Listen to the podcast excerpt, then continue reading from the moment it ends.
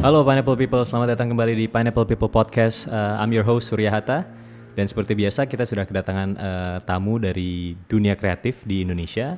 Biasanya tamu-tamu kita arsitek, interior designer, um, entrepreneur juga. Nah kalau kali ini agak beda. Kita kedatangan seseorang dari industri film. Teman lama gue nih udah udah berapa tahun kita kenal ya? 2004. 2004. Jadi ya 16 years 16 lebih ya, tahun. 16 tahun lebih. Iya, 16 tahun Dan eh, seorang apa ya? Film bug banget nih. Movie freak nih. Movie freak. Ya kan? Pandu Birantoro dari Ideosource. Halo, halo, halo Sur. Halo, Ndu. Apa kabar lo? Thank you nih menye- lu sudah menyempatkan waktu ke sini nih, Tor. no problem. Uh, kan, just uh, apa namanya for the context kantor gue uh, Ideo Source Entertainment dan Paragon Pictures like literally sebelah sebelahan. Tetanggaan. yes betul. like literally sebelah sebelahan sama kantor lo. Jadi kayak Iya. waktu lo panggil, ya, gue tinggal. Ya, sekaligus jengukin kantor ya. Karena sekarang masih suasana WFH, Ya, gue masih WFH sih. Pandu masih masih WFH. Jadi tapi thank you banget lu sudah keluar kandang untuk datang Iya. ke sini, Tor. Kantor gue juga berdebu, mungkin harus Iya, ada gue. bener-bener. Harus ditengokin. harus ditengokin. Iya. Thor, we go way back. Yes. Ya kan? Yes, dan yes. dan em, lu adalah salah satu dari sedikit orang yang gua kenal yang sudah menemukan passionnya dari dulu. Even waktu kita di SMA obrolan sama lu tuh soal film. About how you wanna make films and stuff. Ya kan? Em, ceritain dong awalnya Thor lu bisa menemukan film sebagai passion lu nih. Gimana ceritanya? Wah, um, film sebagai passion ya. Sebenarnya sih gue selalu fascinated with film ya. Mungkin gara-gara kayak dulu banget gitu. um, Sebenarnya dari keluarga gue nggak nggak literally film buff banget sih keluarga gue gitu kan. Cuman selalu ada semacam uh, rutinitas, ada semacam budaya gitu ya. Setiap uh, apa namanya, setiap weekend Ya.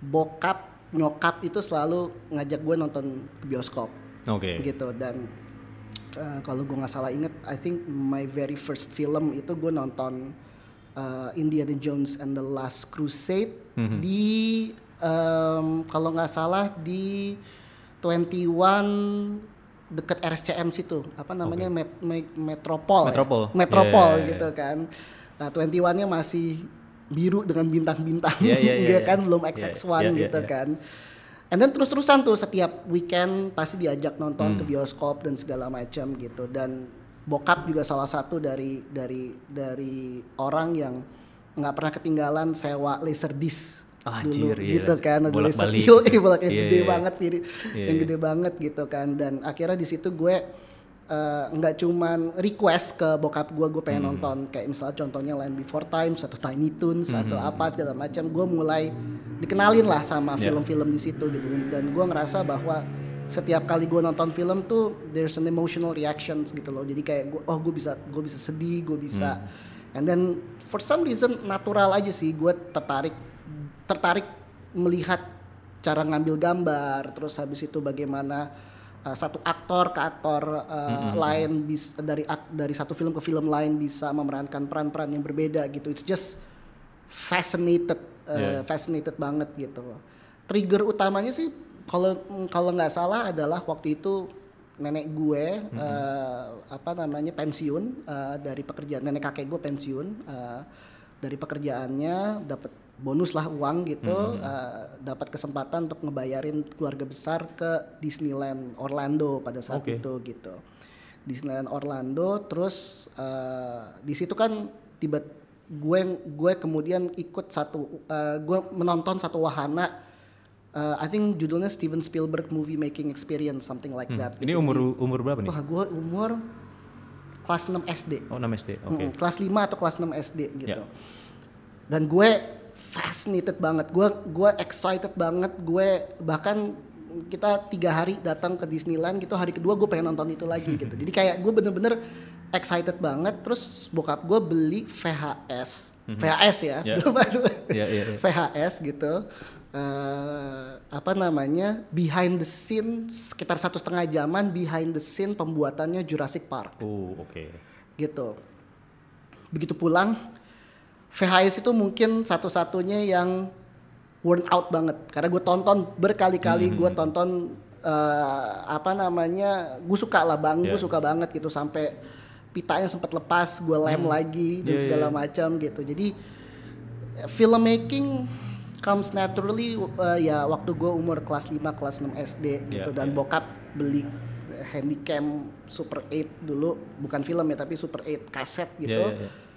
Gue sering minjem shoot ini shoot itu shoot Hmm. ini shoot itu gitu kadang suka nakal gue bawa sekolah gitu gue ya, shoot ya. gitu jadi pada dasarnya emang apa ya eh, passion film tuh udah ada dari SD Dari kali SD ya. dari ya? SD dari kelas 3 gitu dari dari gue pertama kali diajak nonton ke bioskop dari mulai apa namanya eh, dapat privilege untuk untuk untuk megang kamera bokap Hmm, gitu dan segala macam gitu dan eh, library film tuh nggak pernah putus di, di Iya, iya. rumah karena Gue inget ke rumah lu tuh banyak banget tuh. Iya. Tapi udah zaman DVD dulu kan. iya DVD iya iya berderet. DVD iya gitu Iya, dan iya. dan dan akhirnya ya itu tadi gitu loh gue waktu mulai ber- eh, masuk SMP SMA gitu mulai tuh biasanya dapat monthly eh, allowance kan dari Mm-hmm. dari bokap nyokap gue gue Iya. selalu nyisihin gue selalu nyisihin berapa ratus ribu gitu buat buat em, beli VCD dulu kan beli Iya. DVD gitu apa namanya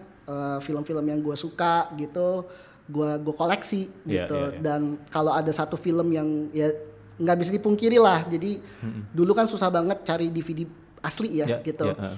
Eh, jadi ada beberapa banyak juga DVD bajakan VCD Iya, iya. bajakan gitu Karena availability-nya dulu ya availability-nya juga susah banget gitu tapi kalau misalnya ada film-film yang gue suka banget gitu kayak Jurassic Park Hmm, kayak Star Wars eh, gue berusaha untuk beli aslinya Cari aslinya. Ya, gitu ya.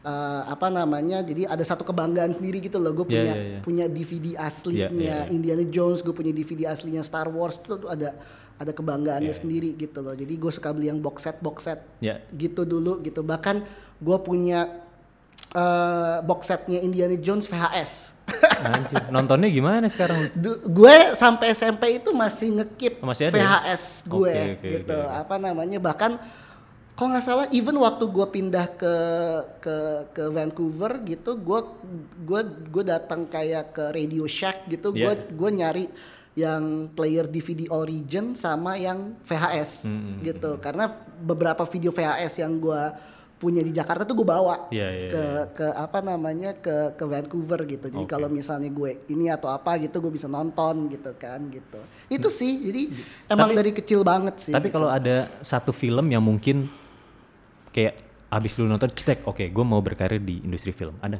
ah iya definitely sih. Eh, Analgedon kalau nggak salah.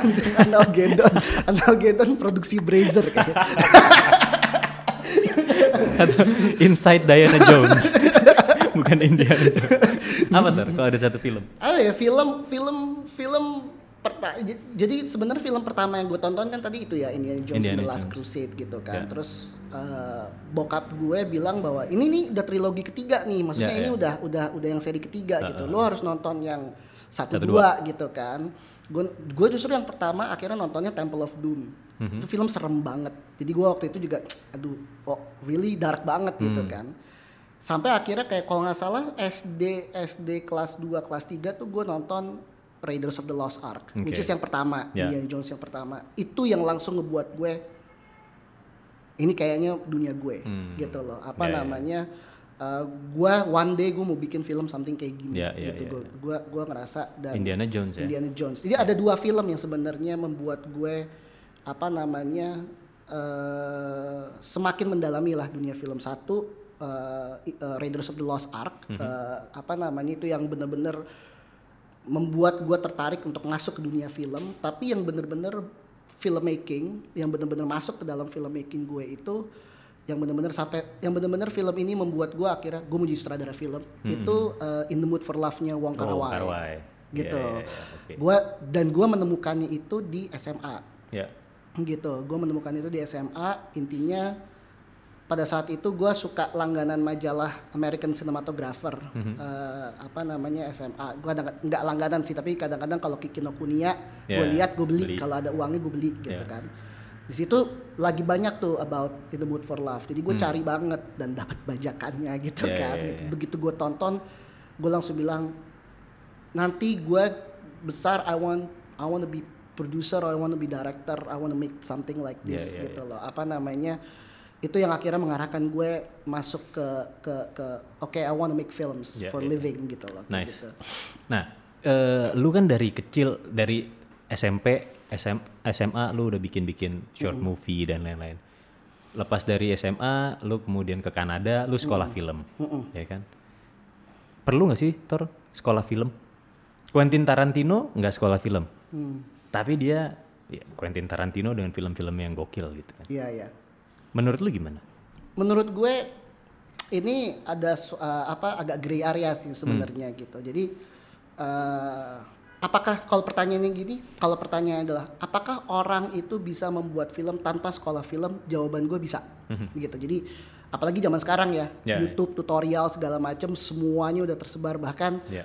gue sebenarnya kalau mau bikin kurikulum film berdasarkan dari video-video di YouTube gitu lo start dari mana Yeah. film history dulu dan segala macam semua video itu sebenarnya udah ada di YouTube gitu tapi menurut gue yang nggak bisa dipungkiri dari pengalaman gue sekolah film itu adalah mm, gue ngerasa bahwa gu- gini kalau lu mempunyai kebiasaan untuk belajar secara solo sendiri ya gitu. Lu belajar sendiri terus lu lu punya lu punya kedisiplinan untuk belajar sendiri gitu. Mungkin nggak harus masuk sekolah film itu sesuatu yang cocok buat lo gitu. Tapi gue pada saat itu ngerasa bahwa bikin film itu terlepas terlepas bisa dipelajari sendiri tetap sebuah proses yang kolaboratif ya kan? Eh, apakah bisa lu bikin film dengan lu semuanya sendiri? Mungkin bisa sekarang gitu apalagi gitu kan sekarang dengan handphone aja lu bisa bikin Ya, ya. film gitu. Tapi lu butuh orang yang megang kamera lu butuh orang yang megang sound gitu Ya. kan lu butuh orang yang apa namanya lu butuh pemainnya dan segala macam kayak gitu-gitu gitu kan. Jadi tetap it's a collaborative effort Yes. gitu. Nah sekolah film itu memperkenalkan lu dengan kolaboratif uh, sistem menurut gue. Dan dan beda dengan lu belajar sendiri lewat tutorial di mana kayak lu tidak mungkin susah untuk mencari orang to bounce ideas untuk berkolaborasi tapi begitu lu masuk sekolah film lu ketemu dengan orang-orang yang kurang lebih satu frekuensi nih sama Ya, lu. ya, ya. bahwa lu punya passion bikin film lo mau eh, bareng-bareng pengen jadi sutradara dan segala macam gitu. Dan dan akhirnya lu belajar how to collaborate with those gitu. Em, jadi menurut gue apakah penting atau nggak penting sekolah film menurut gue ya sekolah film penting juga gitu. Karena lu di situ di situ lu belajar untuk berkolaborasi gitu itu yang pertama. Yang kedua di sekolah film itu sama dengan sekolah-sekolah yang lain lu belajar secara sistematik ya Ya, kan ya. gitu. Jadi apa namanya kalau belajar sendiri kan sometimes you don't know where to start ya kan topik apa pun gitu kayak Ya, gue ya. sekarang lagi nyoba untuk belajar sendiri finance gitu Mhm. misalnya gitu kan itu gue terus terang I don't know where to start Ya, ya. gitu Eh, apa namanya eh, jadi I have to pursue orang-orang mungkin di finance untuk bilang kayak eh when I wanna learn finance gue harus mulai dari mana sih gitu kan? Dan Ya, can ya. I do it myself? Semua orang bisa bilang pretty much you can do it yourself gitu loh. Tapi you need to point nah kalau masuk sekolah kan lu basically you have these people pengajar dan segala macam yang ngasih ya lu start dari sini habis dari sini lu progress ke sini Ya, habis ya, dari sini ya. lu progress sini dan between that progress lu dapat latihan. Ya, ya, Hmm, ya. Jadi lu lu tinggal ngikutin template yang Lebih terarah lah ya. yes gitu. Dan lu lu basically lebih terarah lu kolaboratif dan nomor tiga menurut gue advantage dari sekolah film itu adalah lu bisa masuk atau lu mempunyai akses ke peralatan-peralatan yang mungkin tidak bisa lu dapatkan eh, kalau lu belajar sendiri ya, begitu ya. karena eh, apa namanya nggak mungkin lu bikin film pakai handphone terus gitu kan. Nggak mungkin lu belajar cuman pakai DSLR terus gitu Ya. misalnya. One day ya gue pengen ngerasain juga syuting pakai kamera film Ya, gitu ya, kan pakai lensa film pakai peralatan-peralatan yang dipakai oleh professionals gitu. Nah sekolah film itu eh, mengekspos lu dengan peralatan-peralatan ini Ya, ya, gitu. ya. jadi apa namanya lu ngerasa bahwa uh, you get your money worth gitu Ya, loh ya, ya, Uh, ya. karena lo uh, apa namanya nggak cuman lo mendapatkan akses terhadap peralatan ini tapi lo mendapatkan akses kepada orang yang bisa mengoperasikan Hmm. peralatan Peralatan ini itu. gitu dan Ya, bisa ya. terjadi tanya jawab dan segala macam gitu Oke, jadi. I think I think sekolah film uh, banyak orang yang bilang ya some people are lucky gitu orang kayak orang mungkin orang-orang seperti Quentin orang-orang seperti uh, Linklater gitu gitu gitu mereka mempunyai uh, apa namanya kemampuan untuk untuk belajar sendiri secara sistematik dan Ya. akhirnya menemukan apa yang mereka cari gitu di situ gitu. tapi kebanyakan juga kebanyakan orang juga juga juga juga membutuhkan maksud maksud gue gini kita lihat contohnya industri Korea film Korea gitu. Ya. industri film Korea itu eh, mewajibkan seluruh sutradaranya memang harus lulus sekolah film Oh gitu. yes gitu tapi kemudian dia setelah selesai sekolah film gitu nggak mewajibkan tapi gini semua sutradara yang melewati sekolah film mendapatkan kesempatan lebih besar mendapatkan dukungan dari pemerintah untuk membuat film I see. gitu Oke. jadi apa namanya film-film di Korea itu eh, industrinya bisa dibilang emerging Ya, gitu ya, ya. bahkan bahkan menurut gue melampaui industri film Cina Ya, ya, dan India Karena dia mungkin punya some sort of standardization. ya mungkin. dan juga dan juga ini yang paling penting pemerintahnya sangat care Nah, itu terhadap nanti industri kita, gue mau kreatifnya touch on that later, ya kan? Gitu, Nah, gitu. eh, balik lagi waktu zaman lu kuliah nih Tor. Pada saat lu kuliah di Kanada, lu punya akses tadi ke peralatan-peralatan dan lain-lain. Eh, tapi lu juga kemudian banyak eh, ketemu sama kadang-kadang eh, apa namanya keynote speaker seperti Robert De Niro lu waktu itu pernah cerita gue gue waktu itu waktu selama di Vancouver Film School gue eh, apa namanya pernah ikut kin- ke- pernah per- eh, keynote speaker yang pernah gue pernah gue ini ada John Woo, eh, John Woo, Robert De Niro nggak pernah sih John Bukan, Woo. Oke. gue pernah ngeliat eh, keynote speakernya Wong Kar Wai juga Oke. eh, tapi jauh banget karena banyak banget yang datang. Dan itu sebenarnya bukan di kampus waktu itu di Vancouver International Film Ah, Festival oke. Em, ah, terus habis itu eh, sempat ada keynote speaker dari Kevin Smith juga Oke, Kar- Kevin Smith. karena Iya, dia iya, iya. lulusan Vancouver Film School see. dan sometimes dia kayak per tahun gitu masih ngasih kayak semacam guest Oh, lecture guest gitu lecturer, ya. Ah, kayak gitu Oke. sih Nah, tapi lu juga kemudian sempat eh, apa namanya jadi eh, ambil bagian di syuting Smallville. yes Ceritain dong. Yes. Smallville sih sebenarnya sih it's it's jadi gini. Sewaktu uh, gue kuliah di Vancouver Film School Hmm. uh, ada mata pelajaran magang Oke. gitu. Jadi magang itu intinya adalah lu boleh apa namanya lu dapat form gitu dari dari sekolah gitu terus kemudian lu ngisi gitu basically sekolah yang akan nge-sort out lu mau magang di mana gitu. Oke. Uh, jadi gue ada tiga pilihan lah gitu. Ya, ya, ya.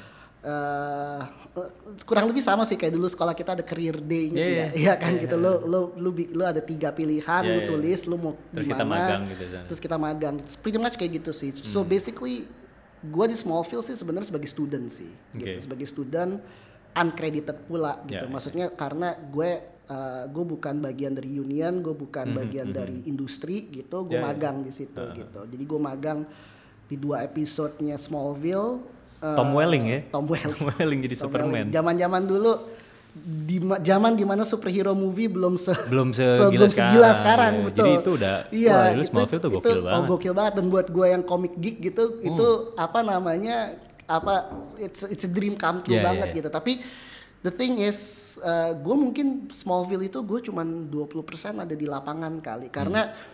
most of the time karena gue students gitu my job is more administratif Oke. gitu. Jadi uh, inget dulu kalau kita apa syuting kan ada yang nyiapin uh, call sheet gitu kan Iya, iya, iya. jadwal pro- uh, production schedule dan segala macam.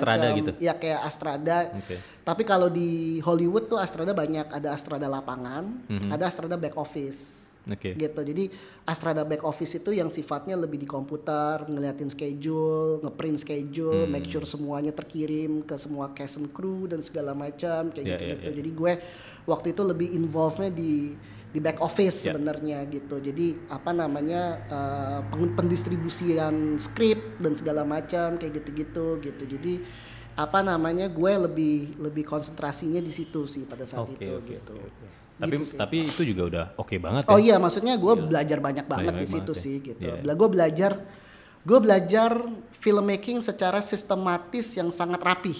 Hmm.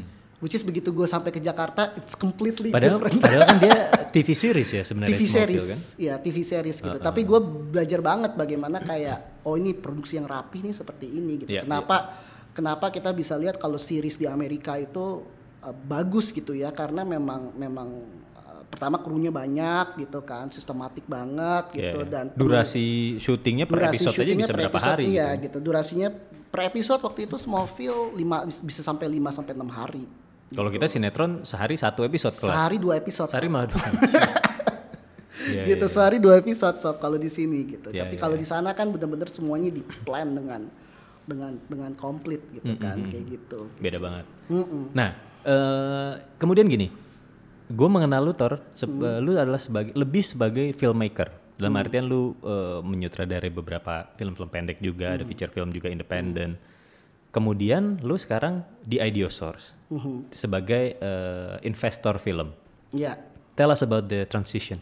the transition ya sebenarnya sih gue apa namanya gue ngerasa bahwa eh, waktu pertama kali masuk sekolah film gue selalu mikir bahwa gue pengen sutradara karena eh, s- kalau kita lihat nonton film gitu kan semuanya yang diagungkan ya hashtag gitu kan ada kutip gitu kan diagungkan adalah sutradara bahwa begitu film film diproduksi dan kita tonton bahwa oh ini adalah visi eh, sutradaranya gitu. Ya. jadi of course lah eh, ego berbicara gitu. Jadi gue pengen jadi sutradara gitu loh. Dan akhirnya kan gue bikin film. Gue Ya. bikin film gue bikin film bareng lo juga gitu. Gue ngajak teman-teman gue kita bikin film gitu dan bahkan gue mencoba karir gue sebagai sutradara juga di beberapa eh, tempat gitu kayak kapanlagi.com eh, gue apa namanya atau kayak di movila.com waktu Ya. itu gue bikin Web series ya? web series Iya. gitu kan Terang malam. terang malam Terang gitu malam. kan gue bikin beberapa film gue beri gue waktu itu gue produce dan direct salah satu segmen di film sorry di Omnibus Cinema Purnama Yeah. which is juga filmnya cukup banyak diputar di festival-festival juga Yeah. terus gue bikin film Euphoria juga which is my first um, feature film gitu indie banget dan dapat kritikan yang cukup tajam juga dari kritik- kritikus-kritikus film gitu tapi maksudnya nggak apa-apa gue belajar Proses banyak belajar. banget proses belajar Yeah. dari situ gitu kan gitu tapi gue ngerasa bahwa kayak gue gini pada masa gue ber pada masa gue berkolaborasi di film-film film panjang pertama gue which is Euphoria terus Omnibus Cinema Purnama terus web series Terang Malam gitu ya.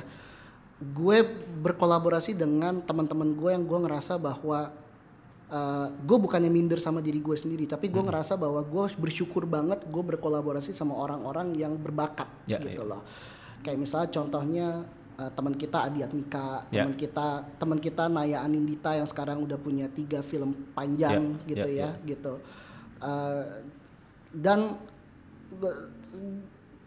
ada perubahan perspektif pada saat itu gitu Mhm. loh. pada saat ya perubahan itu nggak nggak langsung tiba-tiba datang Ya. gitu ya gitu tapi ada perubahan perspektif kayak eh, gini pada saat itu pada saat gue bikin Euphoria pada saat gue bikin Terang Malam pada saat gue bikin Omnibus Cinema Purnama gue ngerasa Hmm. kayak gue punya nih privilege untuk membuat film gue sendiri karena gue punya eh, apa namanya gue punya kamera gue punya eh, editing dan segala macam Yeah. gitu kan and then mul yang tadinya is all about I wanna make my own films pindah ke how can I help them Mhm. make films gitu. Oke. Uh, how can I how can I collaborate this even even more gitu. Mm-mm.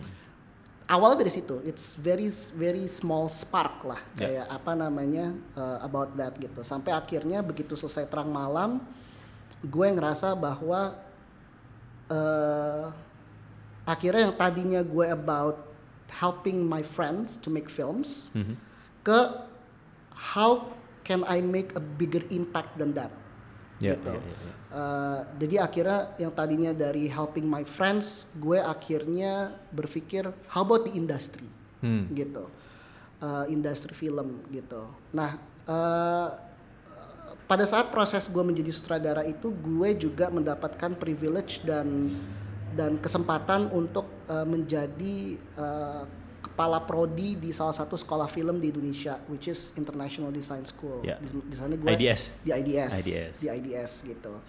Di situ gue dapat kesempatan untuk mengembangkan kurikulum film, bertemu dengan murid-murid uh, mahasiswa-mahasiswa yang passionate dengan film, tapi Ya, ya. juga berkolaborasi dengan pengajar-pengajar yang juga passionate dengan film gitu. Nah di International Design School ini aku ketemu dengan ownernya dari uh, founder dari dari apa IDS. namanya IDS namanya Pak Andi Budiman dan Pak Andi Budiman itu uh, salah satu one of the successful venture capitalist in Indonesia Oke. gitu. Dia sebenarnya nama Ideosource itu udah ber- udah udah mengembang di tahun uh, I think di tahun 2012 awal gitu. Jadi Ideosource awalnya sebuah venture capital yang menginvest di apa namanya di perusahaan-perusahaan seperti bineka.com Oke. ya terus habis itu uh, ada perusahaan ada perusahaan game juga yang diinvest sama ya. Ideosource Tapi bukan di film ya, tapi bukan dulu di ya? film gitu jadi memang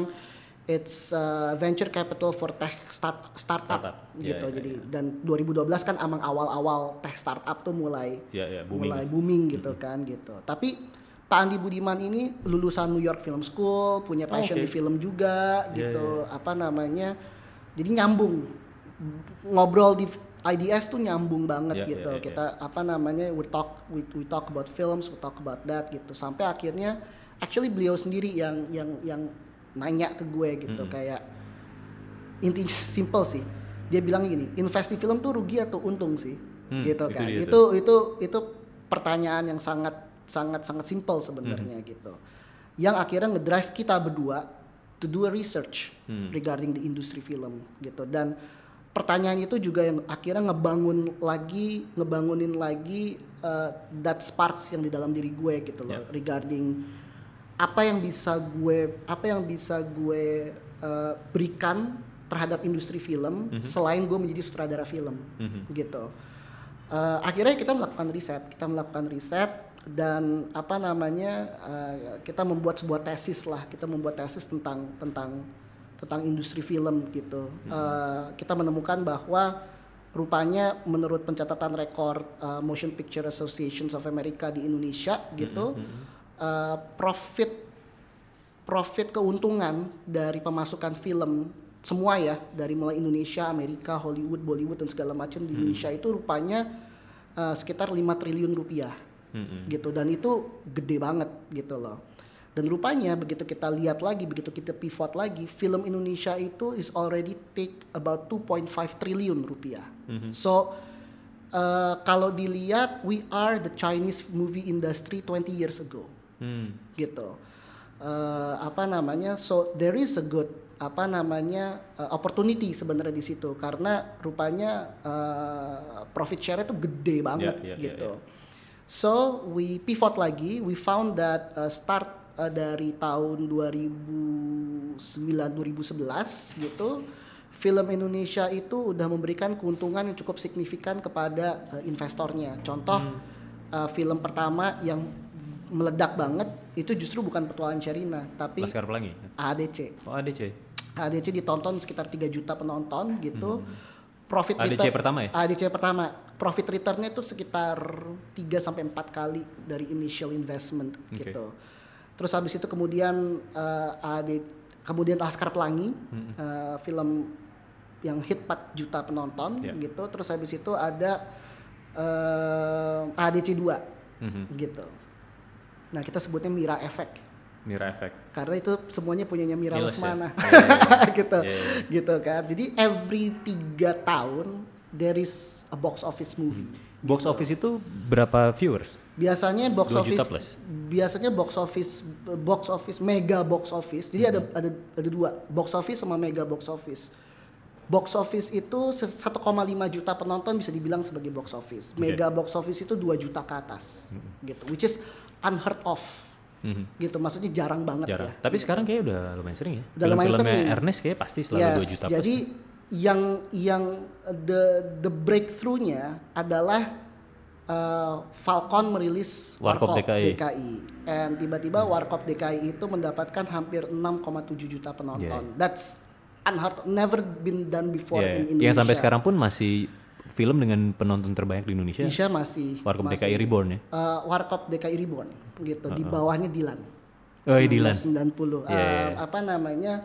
uh, sejak Warkop itu Hmm. setiap tahunnya itu bisa dihitung ada sekitar uh, 20 sampai 30 film Indonesia yang hit box office. Ya. Satu juta ke atas Hmm, hmm, gitu. Se- per tahun itu ada sekitar 150 film diproduksi dan rilis ya Film Indonesia. film Indonesia Oke. gitu. ada 20 ada sekitar 20 sampai 30 film yang hit box office. Artinya eh, secara kacamata investasi gitu mirip banget dengan startup. Mhm. Jadi apa rasionya itu adalah 10 banding 1 dan 10 banding 2. Artinya kalau kita invest film di satu film Mhm. udah pasti rugi. Ya, ya. Tapi kalau misalnya lu invest di 10 film, Mhm. lu Spread akan iya spread the risk, lu pasti akan punya satu dua film yang box office yang bakal ngembaliin semua investasinya. Ya, ya, ya. gitu. Oke. Jadi basically itu tesis yang kita kita bikin Hmm, gitu. We create the thesis, we presented to Backcraft gitu. Uh, Badan Ekonomi Kreatif dulu kan Ya. atas uh, di, di, dinaungi sama Pak Triawan Munaf gitu. Hmm. Dan Backcraft menyambut uh, menyambut uh, tesis ini dengan sangat dengan sangat apa namanya Antusias. antusias gitu. Uh, kita fundraising uh, Ideosource akhirnya fundraising. Kita membuat satu entity lagi under Ideosource namanya Ideosource Entertainment. Oke. jadi venture capital yang khusus Di film. di film Ya, ya, gitu. khusus di film. Jadi akhirnya uh, dari tesis itu kita berangkat fundraising dan dari fundraising itu kita invest portofolio pertama kita kita invest di uh, Kulari ke Pantai Mbak Mira Hmm. Lesmana kita uh, apa namanya invest di Keluarga Cemara Ya. terus habis itu invest di ada satu film lagi-lagi Ateng judulnya terus Hmm, habis itu ayat-ayat cinta dua kita actually ikutan in the marketing side gitu Uh, lalu kemudian uh, ada beberapa lagi seperti Abrakadabra kemarin ada film art yang kita invest Reza juga Radian ya? Reza Rahadian terus kemudian ada ada bebas kemarin juga Hmm. ikutan kita gitu dan yang terakhir uh, Gundala kita juga Oke. kita juga Ada ikut ikutan situ ya? Ah, ah, gitu Tapi kalau dari lu sendiri Tor, lu kan eh, semula lu berada eh, lu pakai kacamata filmmaker. Yang kalau bisa dapetin duit sebanyak-banyaknya untuk merealisasikan visi lu. Sekarang lu di sisi investor. Ya kan? Pola pikirnya adalah kalau bisa gua invest sekecil-kecilnya tapi return semaksimal mungkin. hmm. Ya kan? Jadi kan dua sisi yang sangat berbeda. Lu menjembataninya gimana tuh? Sebenarnya sih sempat dulu tuh waktu pertama kali akhirnya decided untuk bantu Pak Andi uh, merealisasikan Ideo Source Entertainment sempat Hmm. ada kekhawatiran bahwa oh gue gue ini bisnis banget nih gitu Hmm. kan tidak ada kreatif kreatifnya itu yang pertama yang eh, apa namanya uh, ketakutan gue gitu. Karena gue sebenarnya berangkat dari dunia kreatif Ya. bukan dari dunia bisnis gitu. Lalu kemudian yang yang yang kedua adalah itu tadi gitu loh kayak gimana caranya gue bisa uh, resikonya sekecil mungkin gitu uh, atau investasi sekecil mungkin sehingga resikonya tidak ti- resikonya kecil Ya, ya. gitu sehingga filmnya punya return yang cukup cukup ini gitu. Cuman begitu kemudian gue mempraktekkan hal tersebut gitu it's not as simple as that Hmm. gitu jadi misalnya contohnya gini eh apa namanya rupanya peran kita sebagai eksekutif produser secara kreatif pun juga masuk Hmm. gitu karena filmmaker sangat senang sekali untuk berdiskusi dengan seorang investor yang mengerti film Hmm. gitu jadi kita dapat biasanya kalau di awal tuh kita dapat kesempatan untuk baca skripnya Ya. kita ngelihat decknya eh, mood boardnya seperti apa bentuk visualisasinya seperti apa gitu kan dan biasanya kalau ada beberapa project yang kita tertarik untuk invest biasanya kita bisa bisa ikut memberikan notes dan Mhm, segala macam gitu dan dari situ kita bisa lihat seberapa besar seberapa kolaboratifnya filmmaker tersebut Ya, gitu ya, ya, ya. Karena kayak contohnya dengan keluarga Cemara gitu walaupun kita investor tapi Mas Angga Sasongko tuh sangat terbuka gitu dengan dengan dengan Input-input. input-input dari eksekutif produser gitu dan Oke. kita ngerasa bahwa oh kita bareng-bareng nih secara kreatif produce this movie gitu Iya, loh iya. apa namanya dari mulai skrip gitu bahkan pada saat rough cut editing filmnya kita diundang kita tonton terus kemudian gimana menurut kalian ada notes apa dan segala macam jadi we Iya, iya. feel very we feel very taken care of lah by Iya, the iya, by the filmmaker gitu dan Oke. apa namanya eh, sekarang ini gue eh, jadi dan itu pun juga berhubungan dengan investasi yang kita lakukan gitu kayak misalnya film-film seperti Abrakadabra gitu film-film yang punya original concept out of the box avant-garde gitu mungkin Hmm. Very niche though. Very, very niche gitu. Kita lihat dari market share-nya gitu. Film-film seperti ini secara track record uh, punya apa namanya track record yang menguntungkan atau tidak gitu. Kalau misalnya susah gitu, then we have to we have to swallow the pill together bahwa ini investment kecil aja gitu ya, ya. sehingga resikonya Oke. tidak terlalu besar. Tapi Betul. sewaktu kita dihadapkan dengan film seperti Keluarga Cemara, Gundala Hmm, gitu, it's okay to bet the risk a little bit higher Yes, karena pertama uh, ini kita udah masuk ke ranah yang namanya intellectual property. Mhm. We're dealing with IP yang orang udah tahu gitu. Ya, loh. ya, oh, ya. orang udah tahu keluarga Cemara tuh Ya, ya. apa gitu. Oh, orang udah tahu Sidul itu apa gitu. Ya, ya, so ya. when you have something yang udah punya punya ground, Ya. people pretty much know gitu. uh, definitely kita memberikan ruang ekspresi ke terhadap filmmakernya lebih gede gitu loh dengan dengan dengan dengan budget yang a little bit uh, gede gitu. Cuman juga kita harus bisa ngejaga gimana caranya supaya nggak unlimited juga gitu. Tetap harus ada cap gimana make sense lah Iyalah. secara secara secara ini gitu. Karena within the ballpark uh, within the ballpark produksi film di Indonesia itu cost about 8 m Per film. per film. 8 Rata-rata. Hmm. miliar itu rata-rata ya gitu. 8 miliar eh, itu eh, untung itu di, di berapa? Di sekitar 300 ribu penonton. Karena 300.000 ribu penonton. tuh basically with with angka sekitar 5 sampai 7 m Ya, ya. itu safe. Break even. break even. Karena gini cara ngitung gini cara ngitungnya itu adalah eh, bioskop itu kind of 50-50 dengan kita. Actually is more 60-40 sih. 60% buat mereka 40% buat kita kita tuh biasanya rata-rata eh, eh, per tiket kita dapat dari bioskop itu filmmaker ya produser dan filmmaker itu sekitar 17 ribu 17 ribuan 17 ribu sampai 17 ribu 500 karena di masing-masing bioskop kan harga tiket Beda-beda. beda-beda. Ya. kan? Jadi ballparknya tuh biasanya dari 16.000 sampai 17.500an Oke. uh, cut buat kita. Ya. dikali aja berapa banyak orang yang nonton gitu. Jadi that's our cut Ya, gitu. ya, jadi ya, kalau misalnya let's say 300.000 penonton dikali 17.000 tuh berapa? I don't bring a calculator. Sekian. sekian gitu. Nah misalnya misalnya sampai 5 m gitu. Dan 5 m tuh cukup cukup itu. Tapi untuk mendapatkan 300.000 pun juga is not hal yang mudah gitu. makanya kalau misalnya satu juta that's already very Yeah, good guaranteed gitu. profit guaranteed lah ya profit itu. gitu. Uh, film Indonesia pada dasarnya mm, biasanya bermain dengan dengan dengan budget sekitar 5 m sampai sekitar 12 m Hmm. muncullah ada film-film yang kita sebut sebagai event film atau film berbudget besar biasanya kayak Gundala Ya, gitu. ya, ya. Wiro Sableng? wir- di atas 20 m, Ya, ya. terus Wiro Sableng di atas 20 m gitu. Tapi dengan harapan bisa mendapatkan 1 juta 1,5 juta penonton. Ya, ya, Pemasukan film nggak cuma dari bioskop tapi juga dari sponsor, juga dari juga dari apa namanya em, kadang-kadang kalau Merchandise gitu-gitu. merchandise gitu. eh, jual license dan Ya, segala ya, ya. macam kayak gitu-gitu. Biasanya sponsor, bioskop dan uh, akuisisi uh, streaming service atau kita sebut sebagai OTT, OTT.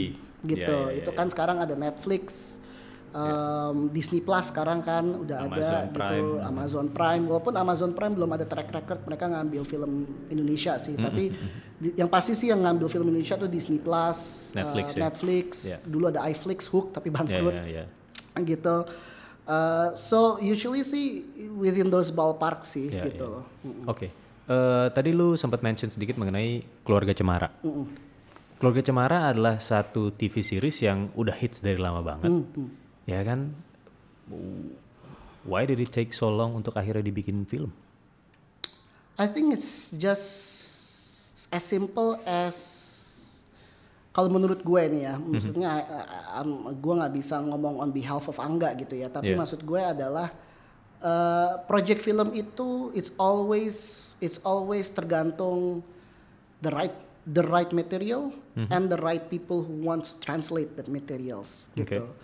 Jadi uh, apa namanya uh, waktu gue baca uh, pada saat gue approach uh, Visinema untuk uh, invest in Keluarga Cemara, basically the movie is already been developed quite some time Oke. with Visinema gitu.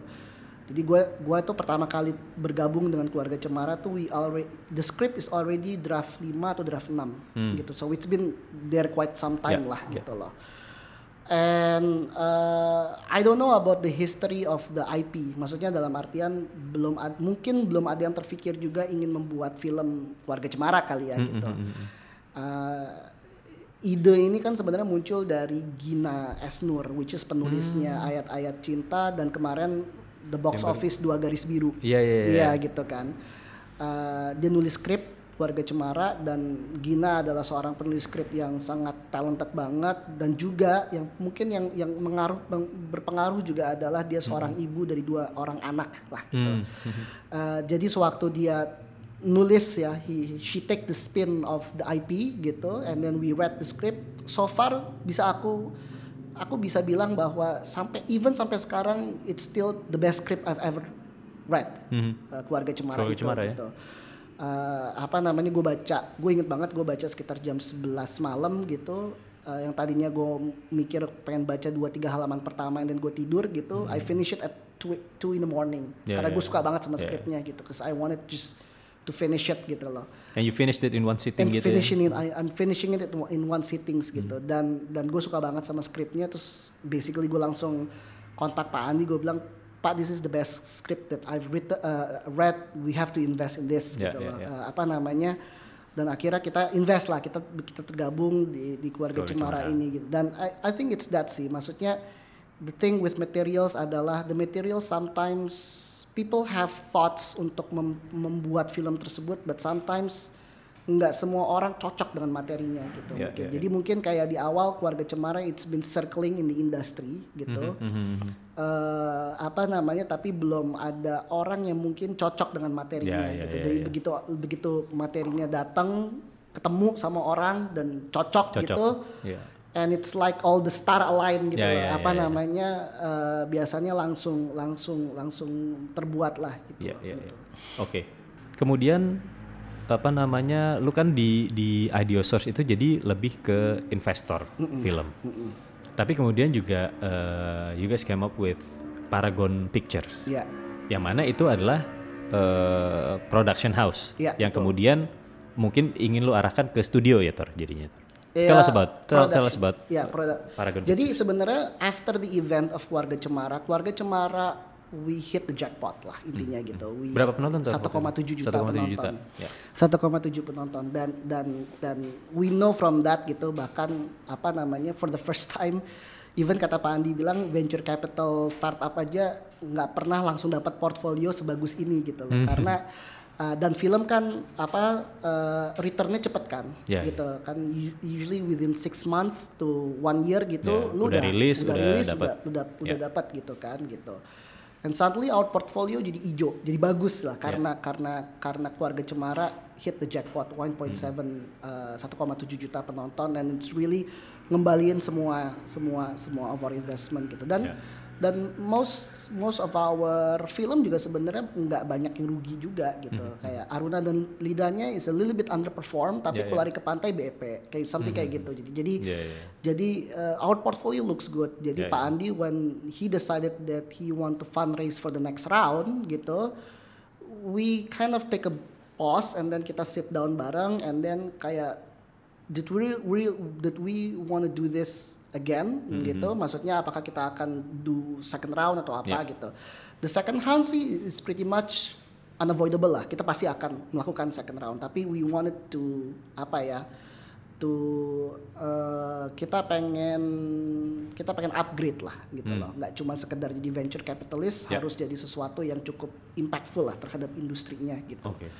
Jadi mm, we we expand uh, uh, we expand dan kita mikir bahwa we want to mix it. Mix it itu dalam artian gitu. We want to invest and collaborate with other filmmakers, tapi kita juga pengen bikin our own original production. Original production itu artinya kita yang invest sendiri, kita yang produce sendiri. Jadi Ya, ya. apa namanya pergerakan cash flow tuh di dalam gitu loh. Apa namanya?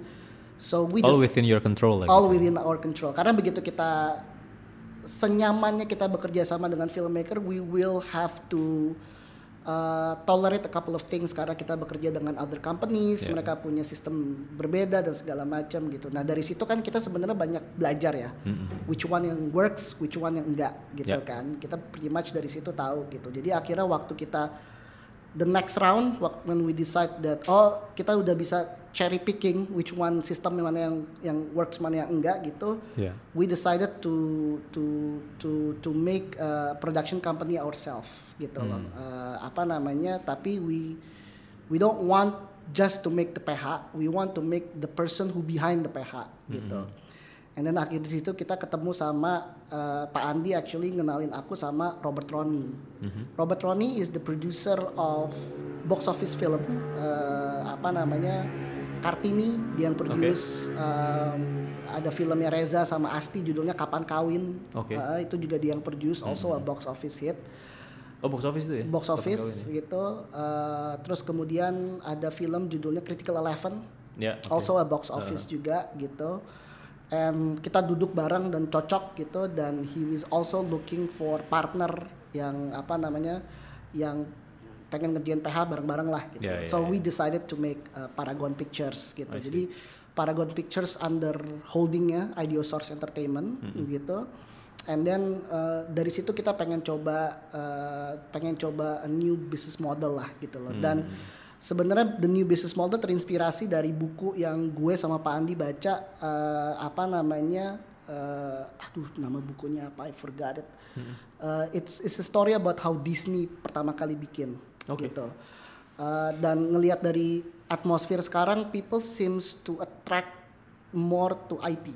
Nah, ya kan? itu menarik Gitu. tuh. Itu menarik banget gitu. Dan kita, Jadi- kita pernah ngobrolin juga soal ini ya, soal Yes. IP dan dan pentingnya IP itu di industri film saat Yes, ini gitu ya. Yes.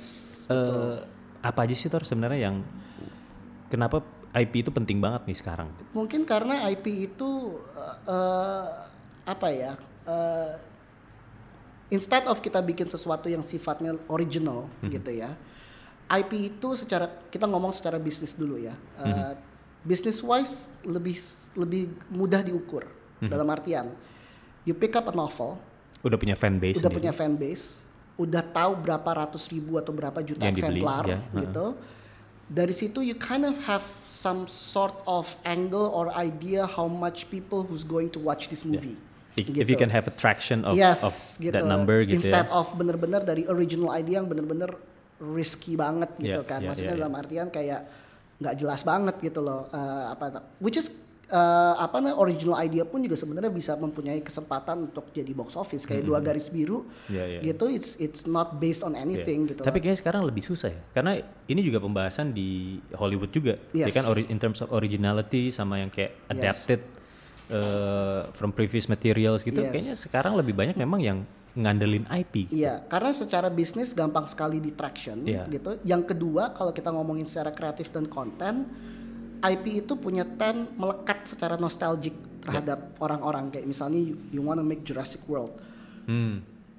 The Jurassic Park is already a box office movie Iya. gitu loh. Maksudnya dalam artian and it's a movie that people grow up gitu Iya, kan iya. gitu. Dan itu it's the same the same application that we actually did di keluarga Cemara gitu Mm-hmm. loh. Jadi wa- uh, the way we pitch keluarga Cemara to even to our partner in investors adalah gue putar aja lagunya yang harta berharga Iya, iya. ya kan gitu dan with that song aja tuh it takes you back Ya, ya, ya. di depan layar kaca gitu and you actually watch that gitu Mhm. kan gitu jadi apa namanya uh, so we we we pretty much uh, believe that's the key of today's entertainment gitu Yeah, yeah. loh um, we have to balance between an, an IP oriented product Mhm, sama produk yang sifatnya lebih kreatif lebih original Lebih original. gitu gitu jadi Oke, oke. itu yang kemudian kita jadiin semacam dasar uh, Ideo Source Entertainment berubah yang tadinya di venture capital jadi studio Oke, gitu. oke. Uh, apa namanya? Uh, selain we produce our own original stuff Hmm. gitu, we would like also to uh, procure IP IP yang menarik Ya, ya, ya, gitu. Apa namanya? uh, yang memang sudah uh, diminati masyarakat dari dulu lah misalnya gitu. Ya. Jadi sekarang Oke. ini kita uh, udah mulai masuk. Awalnya mestinya kita by Maret kemarin udah udah udah we, we do a lot of innovations dan we do a lot of apa namanya groundbreaking um, IP release. Cuman kan karena pandemi ini kan kita we slow things Ya, ya. down gitu kan karena bioskop juga lagi tutup gitu dan segala macam gitu. But we're going to release buat dua dua film ke depannya original uh, productionnya Ideo Source dan Paragon we're gonna have one film that original gitu which is kreatif Ya. uh, satu film yang Adapted. adapted IP based gitu Uh, yang original di lead sama Robert Roney langsung yang IP based ini lagi ini gue yang lead sebagai produser gitu Hmm. oke, karena uh, materinya cocok banget sama gue ini Iya, iya. ini film yang dari dulu pengen banget gue bikin jadi Oke. gue jadi gue gue take lead sebagai sebagai produser di sini I see, I gitu see.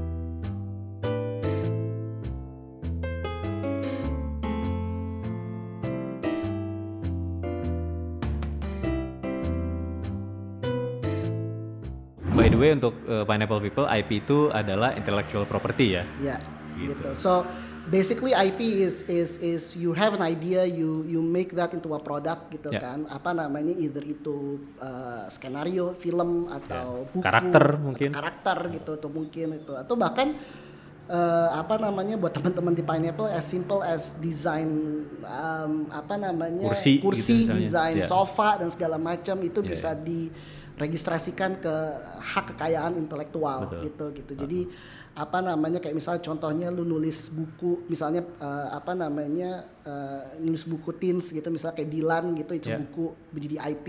Nah, IP itu kemudian dieksplorasi Ya. eh, menjadi eh, menjadi turunannya itu menjadi, bisa menjadi film Ya, ya, gitu. ya. Kalau Disney Mickey Mouse bahkan bisa menjadi theme park kayak Ya, gitu-gitu ya, ya. kan. Nah, itu Dan uh, Itu itu IP. hal yang sudah mulai dilakukan di Indonesia. Visinema salah satunya filosofi kopi ya. filosofi kopi gitu. Bagaimana karakter dalam filosofi kopi Ben dan Jody itu kemudian dibikinin apa ya? Bisa dijual juga gitu Iya, kan. iya, Jadi iya, iya, iklan iya. mobil lah, iklan Iya, iya, apa, tapi dengan pakai karakter itu. Iya, iya. Dan dan dan dan yang paling menarik dari filosofi kopi kan adalah yang awalnya buku gitu ya, eh, terus kemudian jadi film, Lestari ya? eh, jadi film dan sekarang jadi eh, coffee franchise, Jadi kopi franchise. gitu, kan. Jadi itu itu itu menarik banget. Iya, iya. Eh, tadi yang gue mau tanya ke lu adalah, tadi kan kita ngobrolin bagaimana IP itu sekarang menjadi kayak consideration utama, Tor. Kalau gitu, apakah bisa dibilang eh, apa namanya film-film yang most likely akan dapat funding adalah film-film yang IP based instead of yang original untuk saat ini, in terms of kemudahan dia dapat dana.